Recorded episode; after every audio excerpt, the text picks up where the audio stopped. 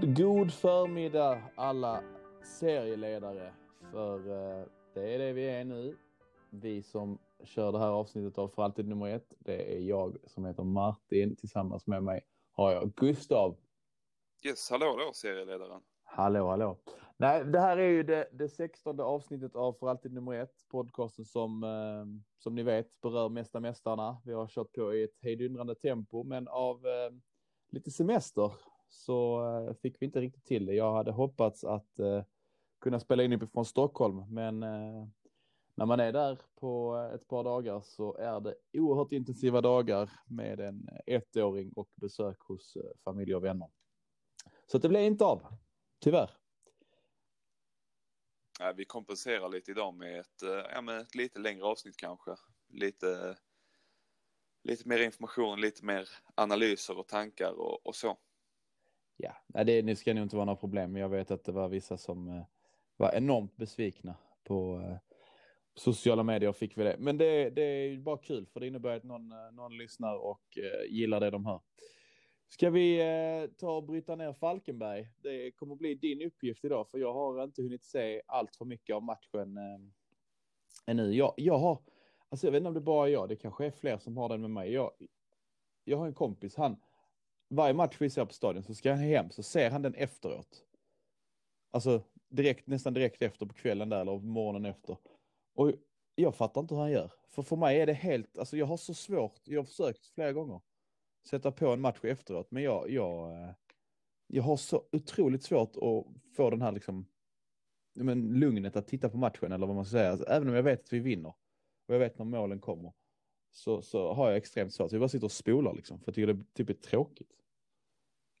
Eh, jag, jag gillar att titta på matcher efter. Jag har gjort det ett par gånger. Också skönt alltid när man kan se en sekvens igen.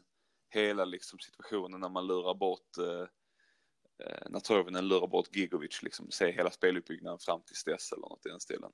Så jag, jag tycker det är rätt skön så här morgonunderhållning. Kanske mer på semestern och så när man kan sitta i, i, eh, i soffan med en kopp kaffe och bara njuta. Men eh, nej, jag förstår vad du menar. Det är, ibland är det lite jobbigt så här tråkiga sekvenser. Så bara, ja okej, men det är, det är 27 minuter till målet. Vi, vi tvingar oss igenom denna sekvensen också. Nej, men det, det ska ni ha cred för ni som klarar av det. Jag, eh, jag önskar att jag hade haft större tålamod. Det är nu att jag eh, blir uttråkad för snabbt och vill att saker och ting ska, ska, ska hända hela tiden. Men Falkenberg hemma, tre poäng. Vi eh, fortsätter vinsttrenden mot, mot dem med, med att vinna. Nio vinster och ett kryss har vi på de tio senaste. Så att eh, det, det är rätt skönt. Det är nog ett av de lagen vi har enklast mot i allsvenskan. Ja, det känns ju så, även om det precis som bortamatchen blev lite extra, men extra nervöst nu i slutet. Ehm, så kan man, det är, väl det, det är väl det stora kritiken man kan ha. Att det ska inte behöva bli nervöst i en sån här match. Sen så kanske det inte var så jättenervöst egentligen, men det är alltid störigt när man släpper in ett, ett eh, släpper in ett mål så här i slutet. Samtidigt som man har egna spelare som ligger ner och har kramp mer eller mindre, fast fem, fem byten som är gjorda så, så, så känns det ju inte helt tryggt ändå faktiskt. Men eh, ja, egentligen så, så jag har inte så mycket att säga på matchen. Det, det stora är väl att precis som mot Mjällby så släpper vi in eller släpper vi till för många frisparkar och hörnor och sånt på, på egen defensiv eh, planhalva liksom. Och det är väl lite oroväckande. Det hoppades man att man skulle ha tränat bort och, och fattat efter efter Mjällby där det var liksom stora punkten att det inte skulle inträffa igen. Men eh, generellt så känner jag att det är rätt, rätt okej kontroll på matchen igenom. Och eh, det som på förhand kändes som en sån här eh, ögon, ögonöppnare var ju att Lasse Nilsson var tillbaka. Hur såg han ut? Jag tyckte, tyckte Nielsen såg bra ut. Ehm, nu är det ju en tacksam uppgift nästan att komma tillbaka och spela bredvid Frans Brorsson. Sen är det klart att han hade någon sekvens i första när han halkar till liksom och eh, vad heter det, Gustav Nilsson i, i Falkenberg kommer, är på väg igenom. Så att det är väl lite sånt och det syns ju alltid extra mycket när man går från ett väldigt tryggt försvarsspel i eh, Annel och Frans till Frans och Lasse som inte är lika stabila, inte lika inövade och vana. Eh, och speciellt med spelare som Lasse där man kanske lägger märke till missarna lite mer. Eller i alla fall vissa, vissa gör då. Men eh, det, det var väl ett tråkigt sätt att göra comeback på, halka och nästan ge bort ett friläge liksom. Ja, nej, så är det väl. Och det är väl, och det, är väl det du säger kanske är, eh, är just det som är grejen med Lasse Nilsen. För att, för att om man tänker tillbaka så tänker man bara på att han ibland gör så helt obegripliga eh, grejer som inte alls är bra. Men, eh, men sen samtidigt får han ju alltid massa beröm av tränare och, och lagkamrater och, och vissa andra som, som håller honom högt. Så att, så att någonstans måste han ju ändå göra det bra. Han spelar ändå Malmö FF. Men eh, han ser inte upp till någon i det här, i det här laget. Har du sett den videon från MFF? På, jag såg den på Instagram. Ja, jag såg också eh, det lilla klippet. Jag funderade på det innan detta om man skulle gå in och kolla hela. Det borde ju finnas någonstans på, studio, på, på hemsidan tycker jag. Studio ja. MFF.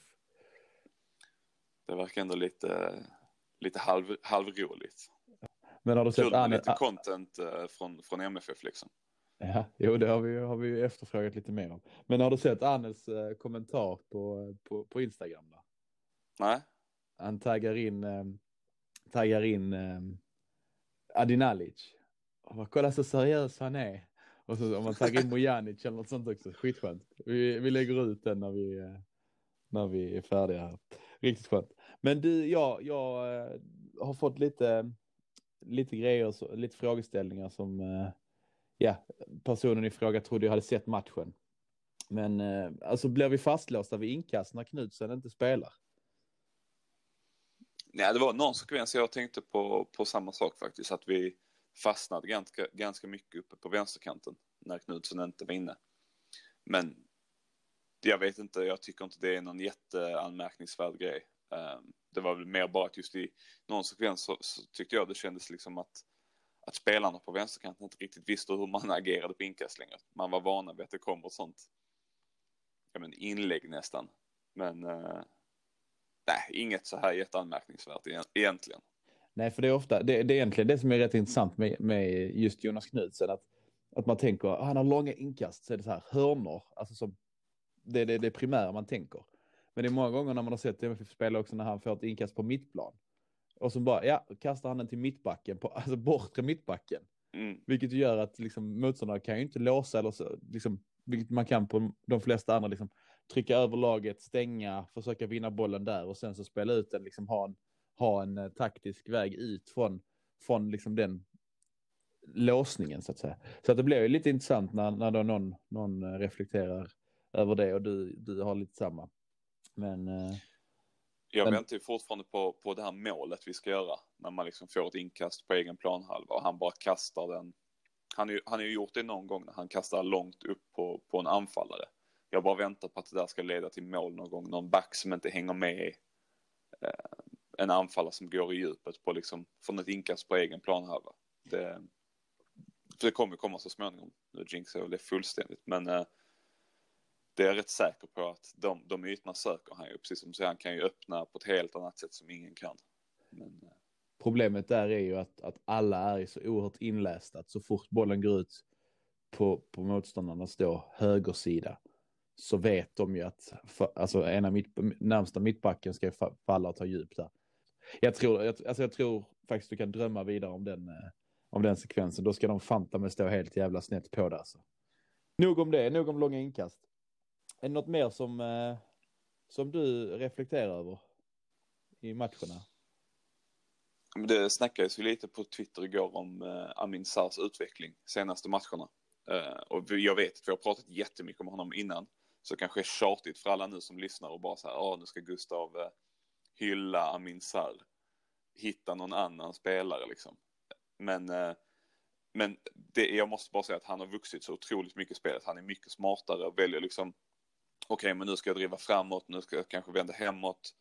Eh, mognat extremt mycket i hur han spelar fotboll och vilka beslut han tar och hur han agerar.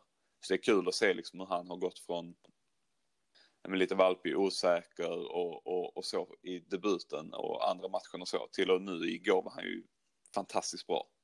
eh, på riktigt liksom, inte bara så här lovande juniorspelare utan alltså som en bra, en riktig A-lagsspelare som håller en hög allsvensk nivå liksom.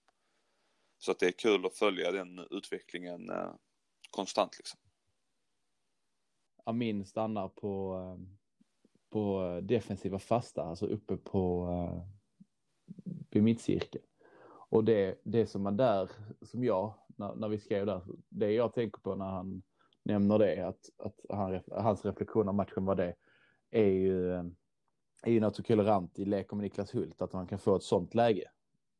Lite som du vill ha på ett långt inkast, kan man ju få det från en målvakt i, eh, i en omställningsfas. Liksom. Han är ju stark, teknisk och eh, tvingar ju då två motståndare att stanna. Du kan ju inte släppa honom en mot en.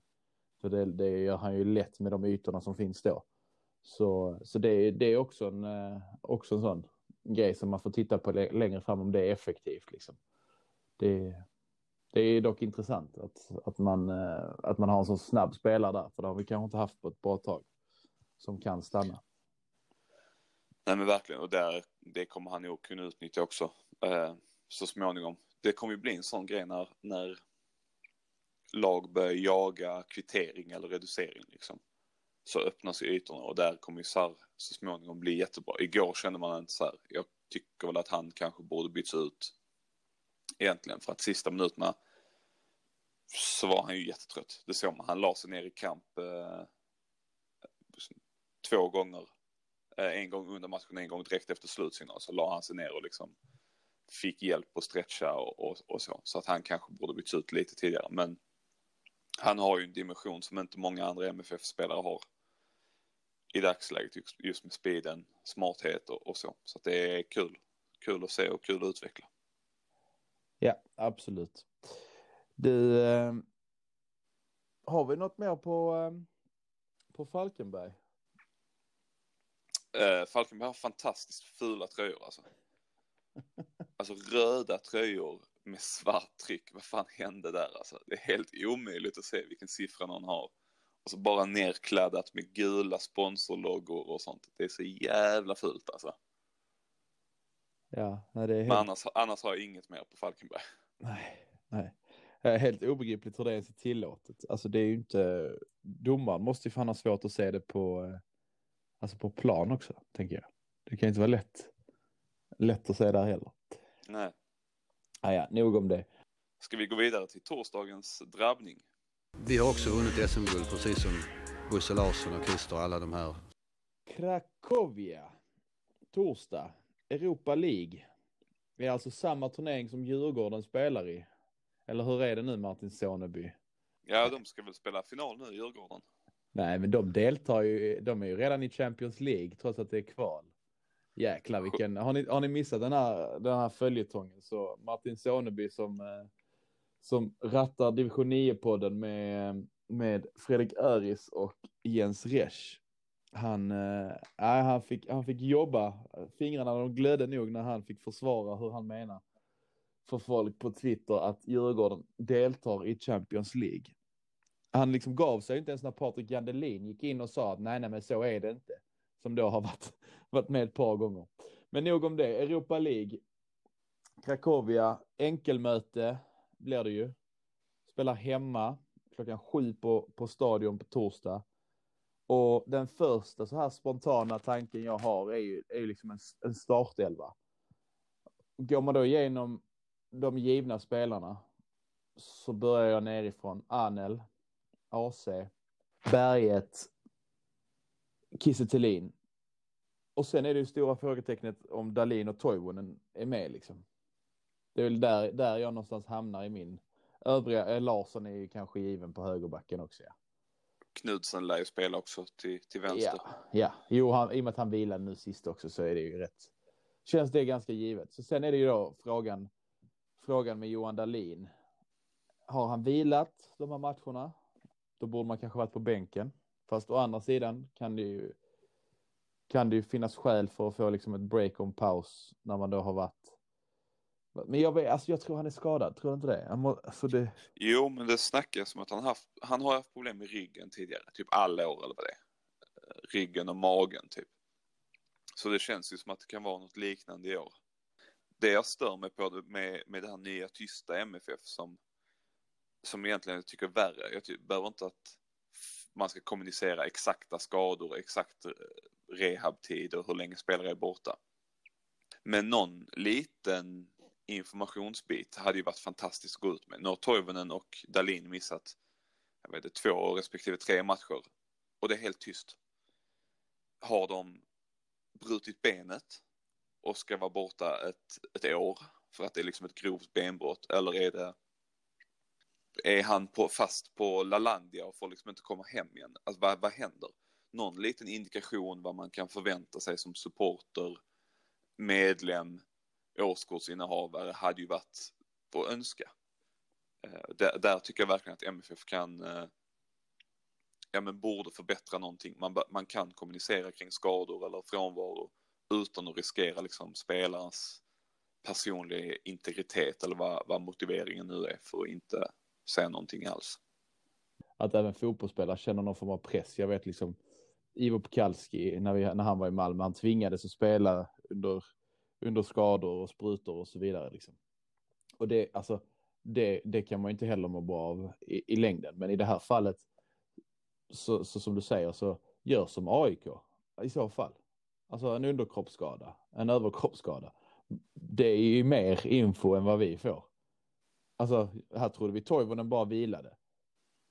Men han borde ju varit med på bänken hemma mot Falkenberg. Behöver inte ens använda honom. Alltså Berget satt ju på bänken hela matchen. Och, och vilade antagligen inför torsdag. Så att alltså det, det, det, det som du säger, det, det, det är något MFF borde, borde se över. Ja men speciellt så här någon fingervisning vad det antingen liksom vilken del av kroppen eller vad man tror i tid eller något sånt för att det påverkar ju så mycket av hur man själv ser på laget och vad man, ja, men, vad man kan acceptera och förstå liksom. Nu är det en sak när, alltså, ska man börja ropa efter att vi ska värva en ny målvakt? Eh, om man an, an, inte anser att uh, Marco Johansson håller eller ska man så här, ja men Johan Dahlin är tillbaka om, om, om två veckor så det är lugnt, vi klarar oss. Man, det blir svårt att förhålla sig till laget som supporter helt plötsligt. Nej, för som du, som du har sagt innan så är det ju det här att med statistik så blir supportrar smartare. För att man får ett flöde och en, och en förståelse. Okej, okay, den spelaren löper jättemycket utan boll eller den gör inga assist, men den gör det här jobbet för att det finns siffror som visar det. I det här fallet blir man ju nästan lite dummare när man som du är inne på ska gissa, är han tillbaka om två veckor eller två och ett halvt år? För att han äter en dålig kyckling. Liksom. Ehm, det, det, det, det, alltså det ska inte till att man behöver gissa liksom. Utan en kort information att kommer vara borta en period. Eh, vi vet inte hur länge av, av personliga skäl eller personlig integritet eller det här GDPR eller vad man nu vill skylla på. Så går vi inte ut med detaljer, men så här är det. Han, han är borta, han är frånvarande, han är, inte, han är inte disponibel. Det räcker ju. För då vet man det, men sen kanske man inte vill ge motståndarna det heller. Jag vet inte. Alltså om de nu går ut och säger Dalin är borta, Toivonen är borta. Krakowia bara, okej okay, men nice, då vet vi det. Då skjuter vi lågt på fettet i mål. Nej men alltså, det, alltså någonstans kanske det också är en anledning. Ja, alltså det är klart att, att det kan påverka, men jag menar nu har ju ändå Krakowia typ förberett sig för att möta Marco Johansson. Så att i dagsläget, alltså det, den biten tror jag inte spelar så stor roll egentligen, för jag tror inte, jag tror inte att det påverkar så mycket taktiskt av att så här ja men de har en annan målvakt eller Dalin är borta så länge. Jag ser inte riktigt att det skulle väga över ja, men, känslorna och tankarna från supportrar och, och så. Nej, nej, men tror du inte någonstans ändå att om, om man är Krakowia scout eller, eller tränare nu så tittar man på Malmö FF och så säger man okej, okay, de roterar så här. Så Knudsen kommer att starta, precis som vi sa, Knudsen kommer att starta, Berget kommer definitivt starta för han vilade hela förra matchen. AC kommer att spela för han är lagkapten. Och så, så förbereder man sig på dem. Och sen så, så, så ja, och sen är Toivonen, han, eh, vi vet inte om han är skadad eller inte, men om han spelar så måste ni göra det här det här på fasta. Och om han spelar måste ni göra det här och det här. Det, någonstans blir det ändå så att man, de, han måste ju vara med i deras planering, för det är en av våra absolut bästa spelare. Det är klart att det påverkar och det påverkar skitmycket tror jag. Men de kommer ju ha planer för, för oavsett scenario och de kommer ju veta vad är det, 24 timmar innan eller något sånt när matchtruppen i Europa skickas in liksom. Eh, så att i det scenariot så kan man ju förmodligen förbereda sig ganska långt innan ändå. Okej, okay, men Toivonen är inte med. Okej, okay, men då kör vi på plan A.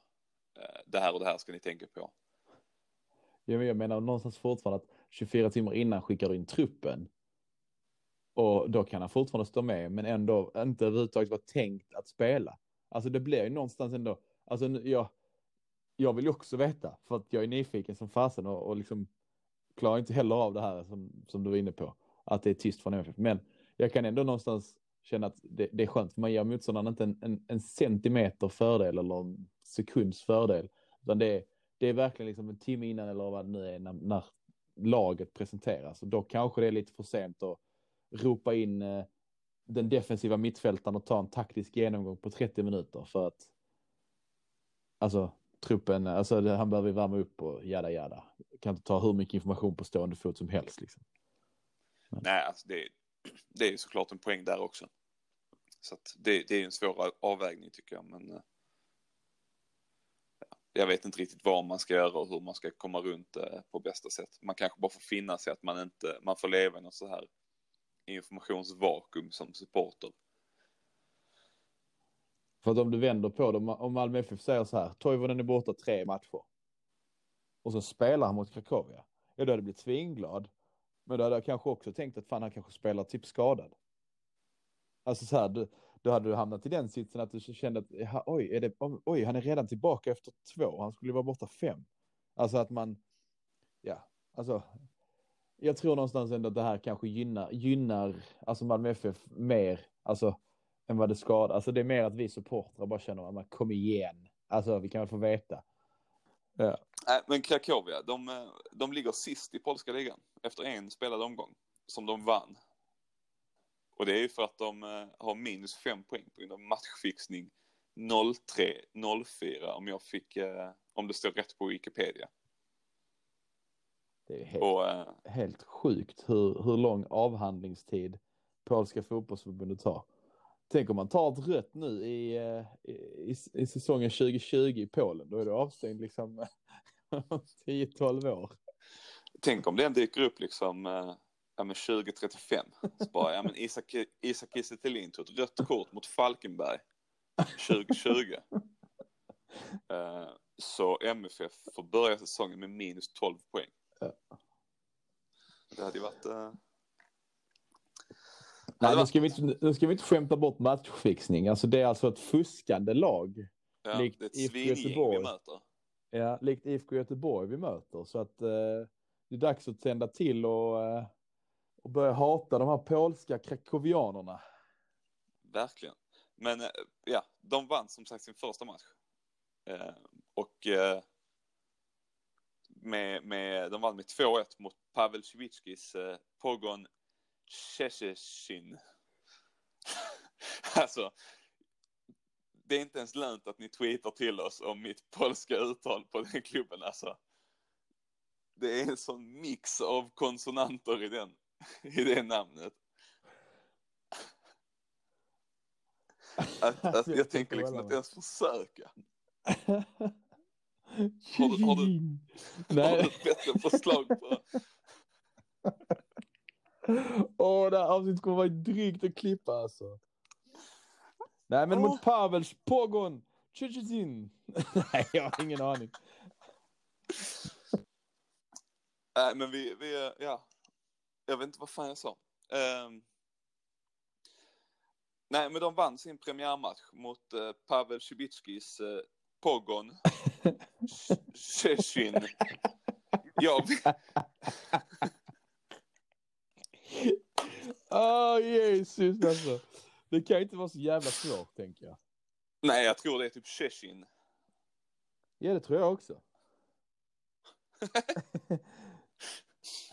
ja, nej, jag satt och kollade lite highlights. De polska ligan lägger ut det helt fritt på, på YouTube och sånt också som, som Dplay, så det är alltid bra.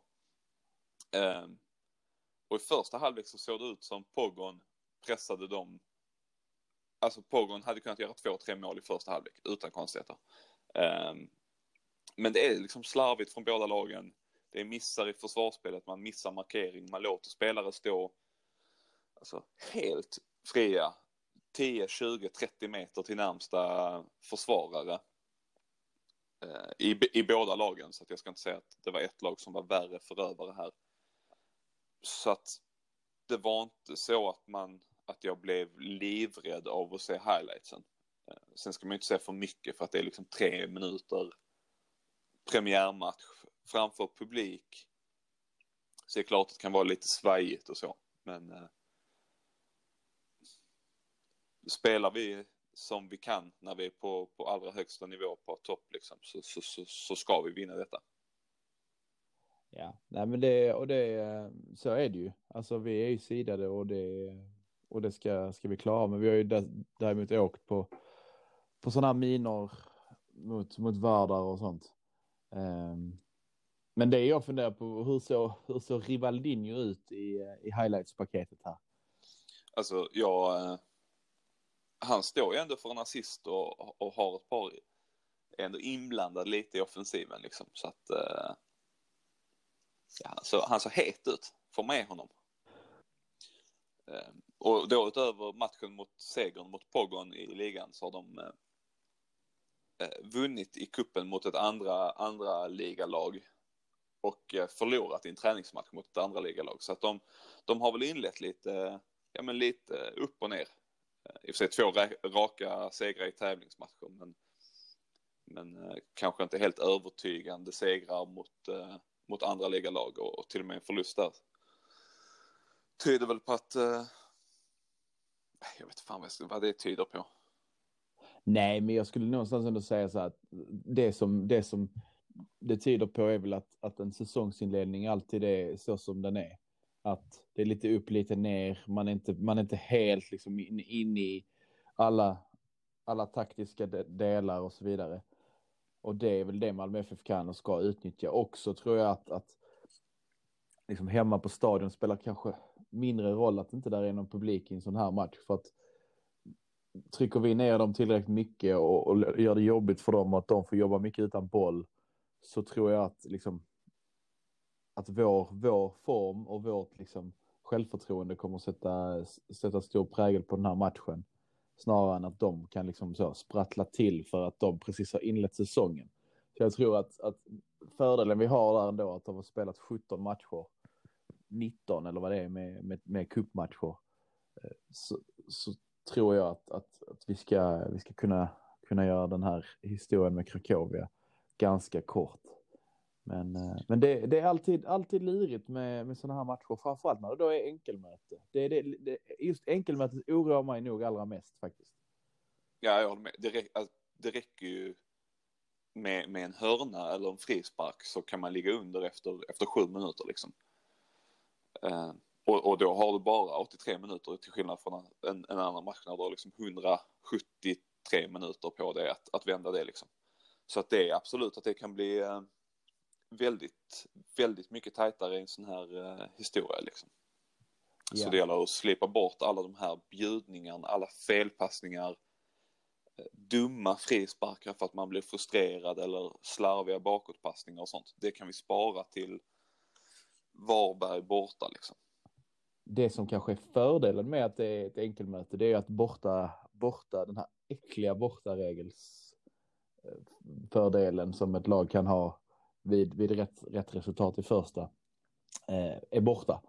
Och vi har ju lyckats vända både Kalmar, Kalmar hemma och Sirius borta eh, när de gör ett liksom mål eh, till seger eh, i andra halvlek. Så att jag tror någonstans ändå att Malmö FF 2020 är ganska så, så vana. Vi har även ett poängtapp mot AIK ju, där, där vi eh, där vi gör i och för sig när de, när de gör första målet och sen och sen så vänder vi.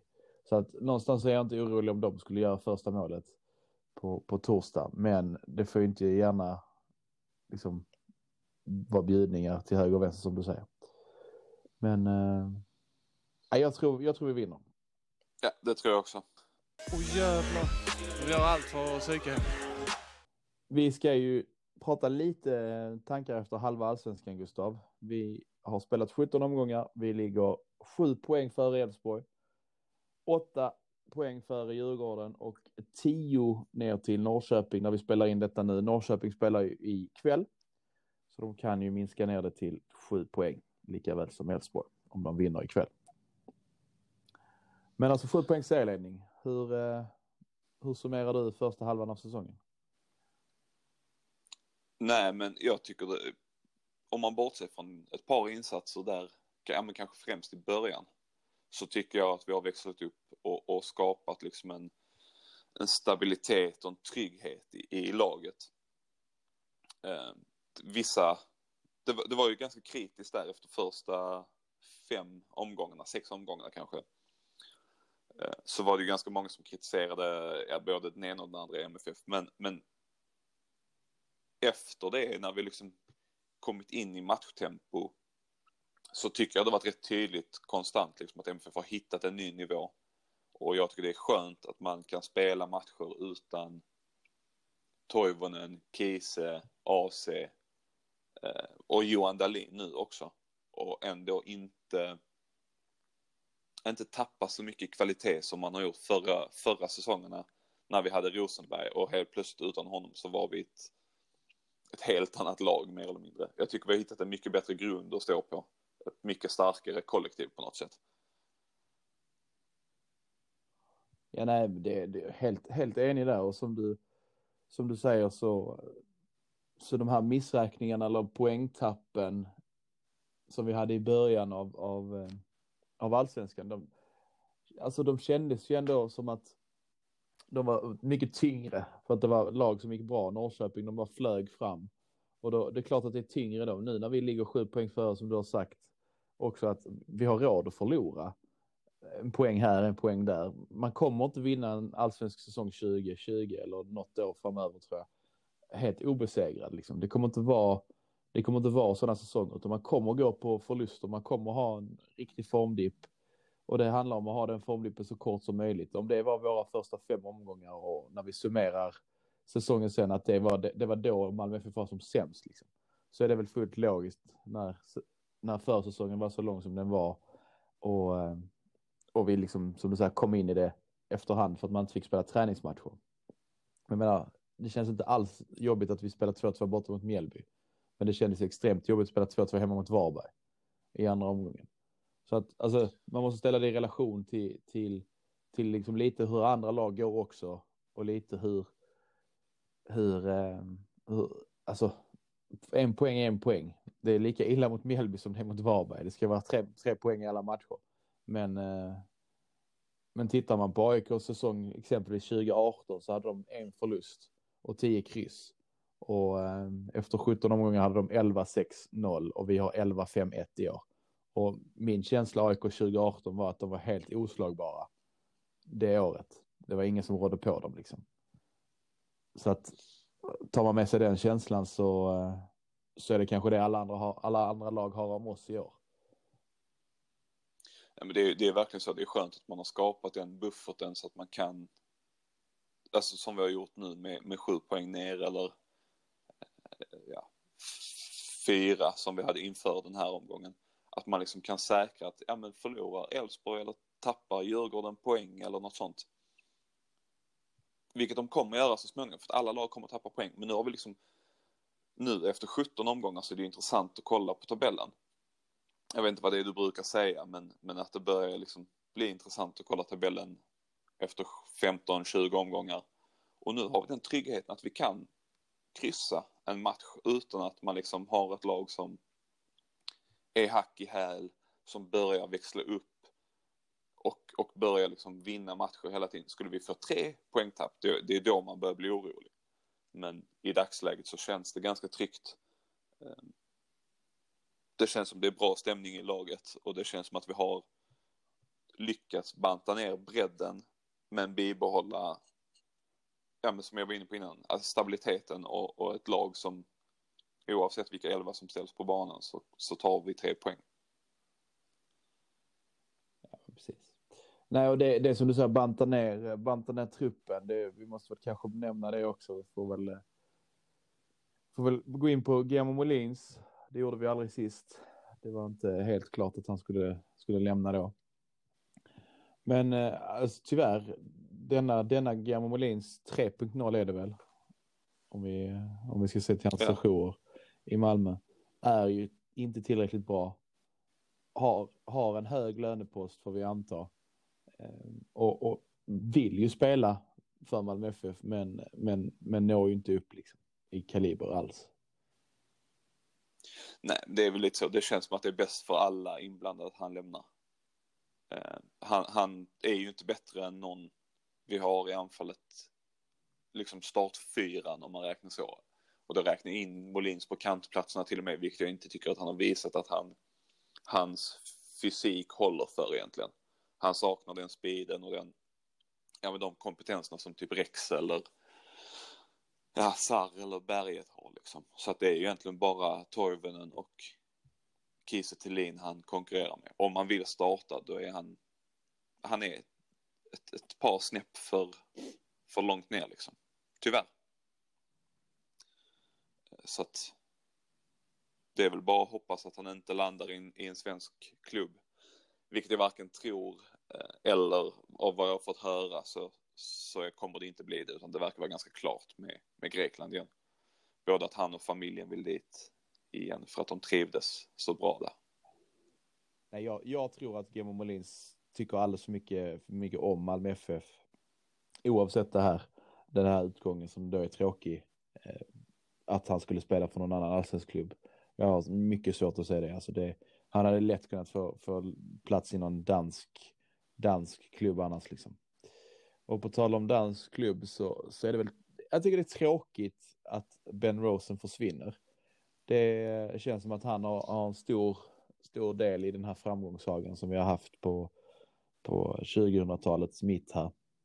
Eh, och det, det är oerhört tråkigt att han lämnar. Och sen så är det ju, äh, alltså, fan kan inte gå till något annat lag än Köpenhamn. Alltså det, det är ju det som är bull bara. Ja, det är det jag tycker är så extremt tråkigt med det här.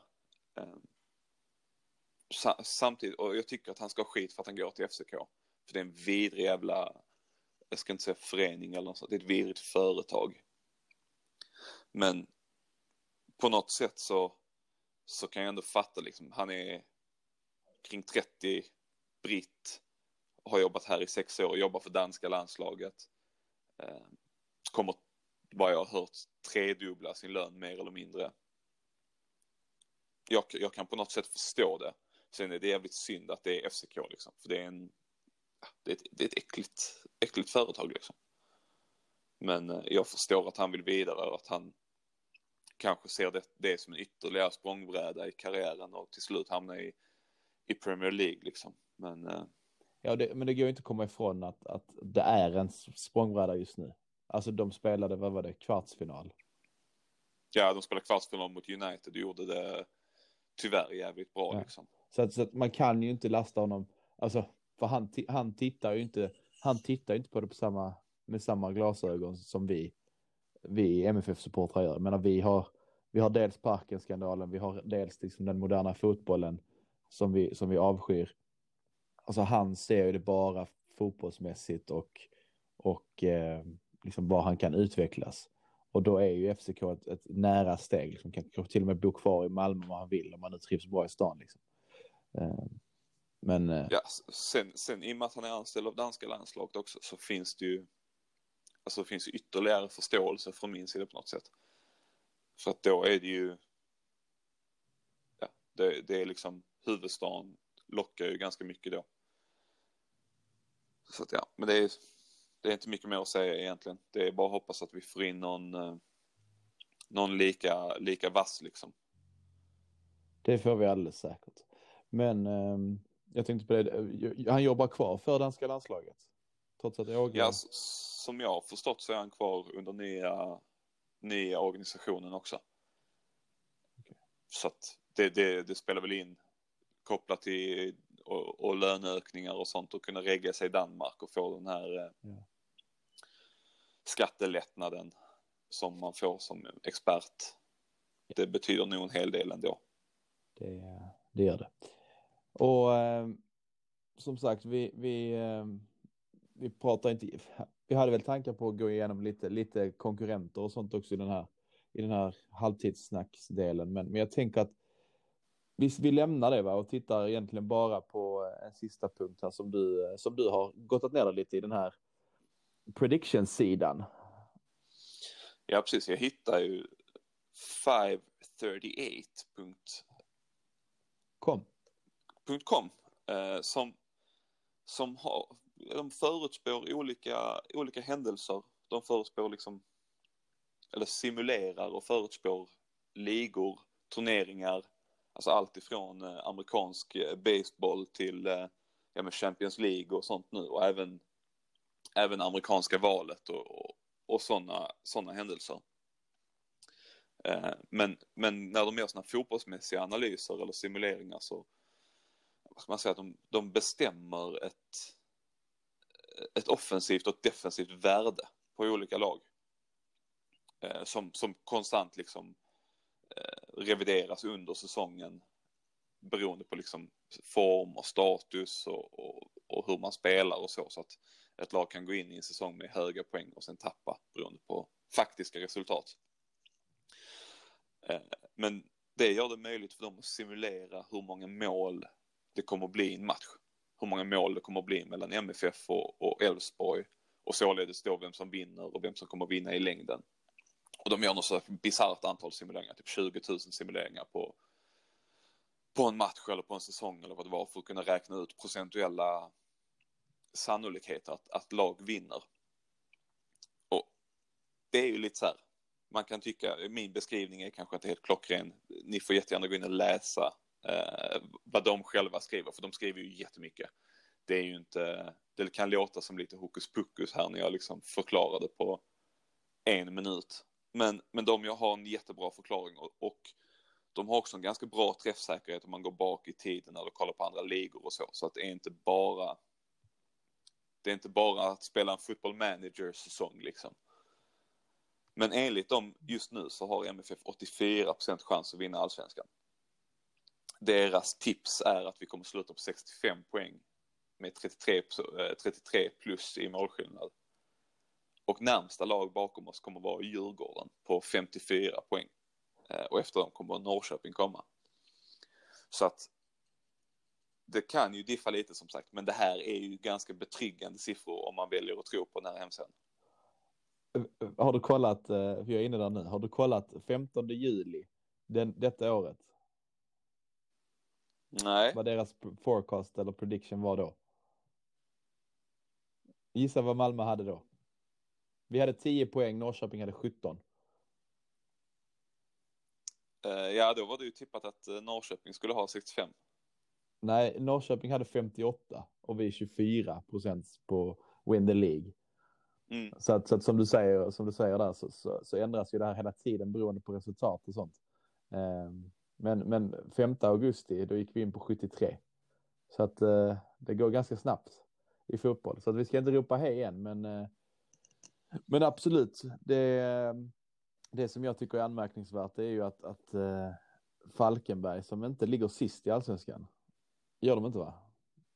Det gör Helsingborg. De och Helsingborg ligger väl tillsammans på, på sista platserna.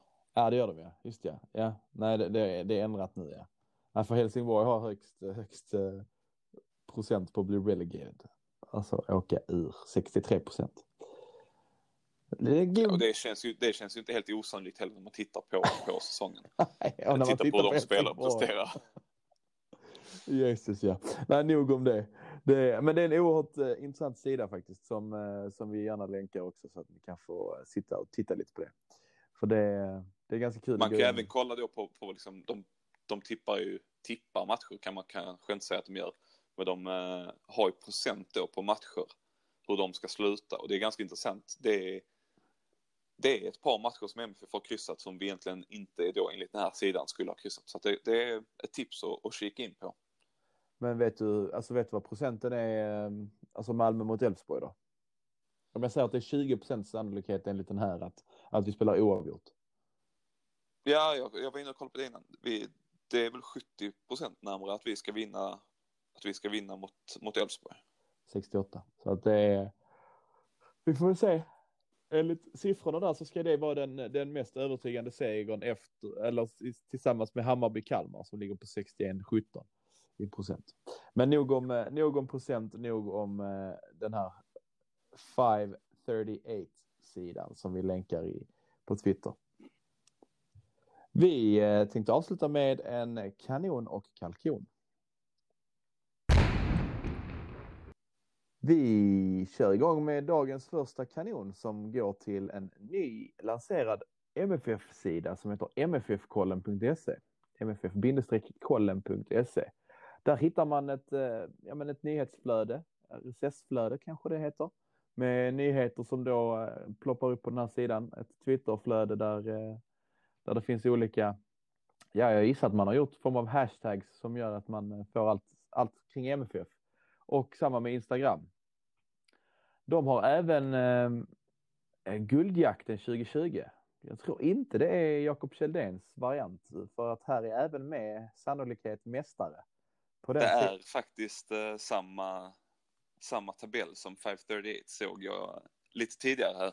Så att, eh, men jag tror de har lite färre parametrar med i, på MFF-kollen. Okej, okay. men där har man också då sannolikhet på eh, upp och nedflyttning och så vidare och vilket poängsnitt man har eh, och behöver för, för, eh, för att ta guld och vilka lag det är som kan ta det. Precis som vi var inne på med Jakob Kjelldéns fantastiska guldjakten. Så att eh, en grym sida som absolut förtjänar en, en stor kanon i dagens avsnitt. Och den andra kanonen får man ju ändå säga är att Andreas Georgsson är, ryktas till, eh, till Arsenal. Man måste ju glädjas med en sån person. Eh, väldigt ödmjuk och, och trevlig och hört väldigt gott om honom i all, alla intervjuer. Och eh, det är ju ändå ett, ett, bra tecken att man går från, från MFF eh, till Arsenals ledarstab på, på två år. Det är ju ett bevis på att man, eh, man gör någonting rätt liksom. Så att det är fantastiskt kul och fantastiskt om det, om det stämmer och blir klart här. Precis, då kanske vi båda har eh, Andreas Georgsson och Ben Rosen i, eh, i Premier League om något år. Får vi hoppas så att Ben Rosen kan gå vidare. Den eh, tredje och sista kanonen som vi eh, skjuter ut här idag, det är ju att eh, Kiese blir kvar till, till januari. Eh, både Daniel och Isak har bekräftat det här och den här klausulen som Anderlecht hade, den löpte ut för ett tag sedan. Men eh, vi skickar samtidigt en, eh, en penna. Det var väl något, någon grej för något år sedan. Ge Danne en penna. För att förlänga hans kontrakt. För det, eh, vi, vi måste köpa loss Isak Kristelin nu. Så att han inte blir skytteligavinnare, vilket vi båda tror att han kan bli. Och då blir jag jättedyr. För eh, då kommer han dra ögonen till sig. Men eh, jag, jag tror man förhandlar med Anderlecht om det redan nu. Men jag tror att Malmö FF vill nog betala lite mindre än vad de vill ha för tillfället. Det är därför det inte är, är klart. Det, är min, det här är en högst personlig gissning, men som sagt, kanon att han är kvar säsongen ut för att det är bra. Nu när Molins också har lämnat och Antonsson ryktas till, eh, till Kalmar. Och den sista och dagens ka kalkon skickar vi till eh, Lars Lagerbäck. Som, eh, som har valt att inte ta ut Jo Inge Berget i norska landslagstruppen. Trots att han den senaste tiden har varit i helt otrolig form i allsvenskan. Så, så har han inte spelat till sig en, en plats i norska landslaget.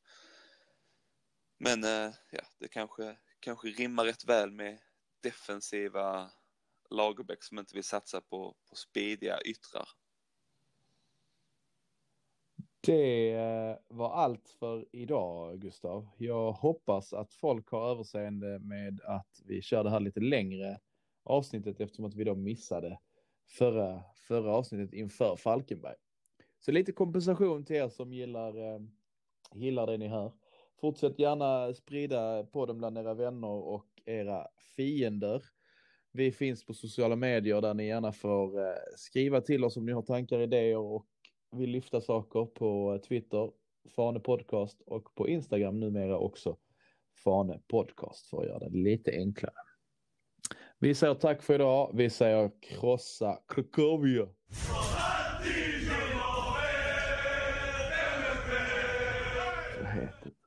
Undrar undra om Rodic kommer vara eh, nere i Malmö och plocka Rivaldinhos tröja. Ja. Fråga om han kan signera med bara halva sitt eh, namn. Ja. Så ser det ändå rätt fett ut liksom. Ja, alltså precis. Om man eh, bara Rivald. Eller Rodic kommer stå där och be om autograf sin tippexa Injo. ja, precis. Och så, fråga, och så frågar liksom hans fru om några år när han hänger upp den tröjan i, i hans lilla lägenhet. Frågar så här. Varför, eh, ve- vem, vems tröja är det? Ah, det, det är Rivaldo. Han spelar i Krakowia i Polen. Ja, okej. ja, ja. Jag trodde han spelade Barcelona. hon. Nej, där klipper vi kanske bort. Det kanske Ja, det här klipper vi nog bort. Det klipper vi nog bort.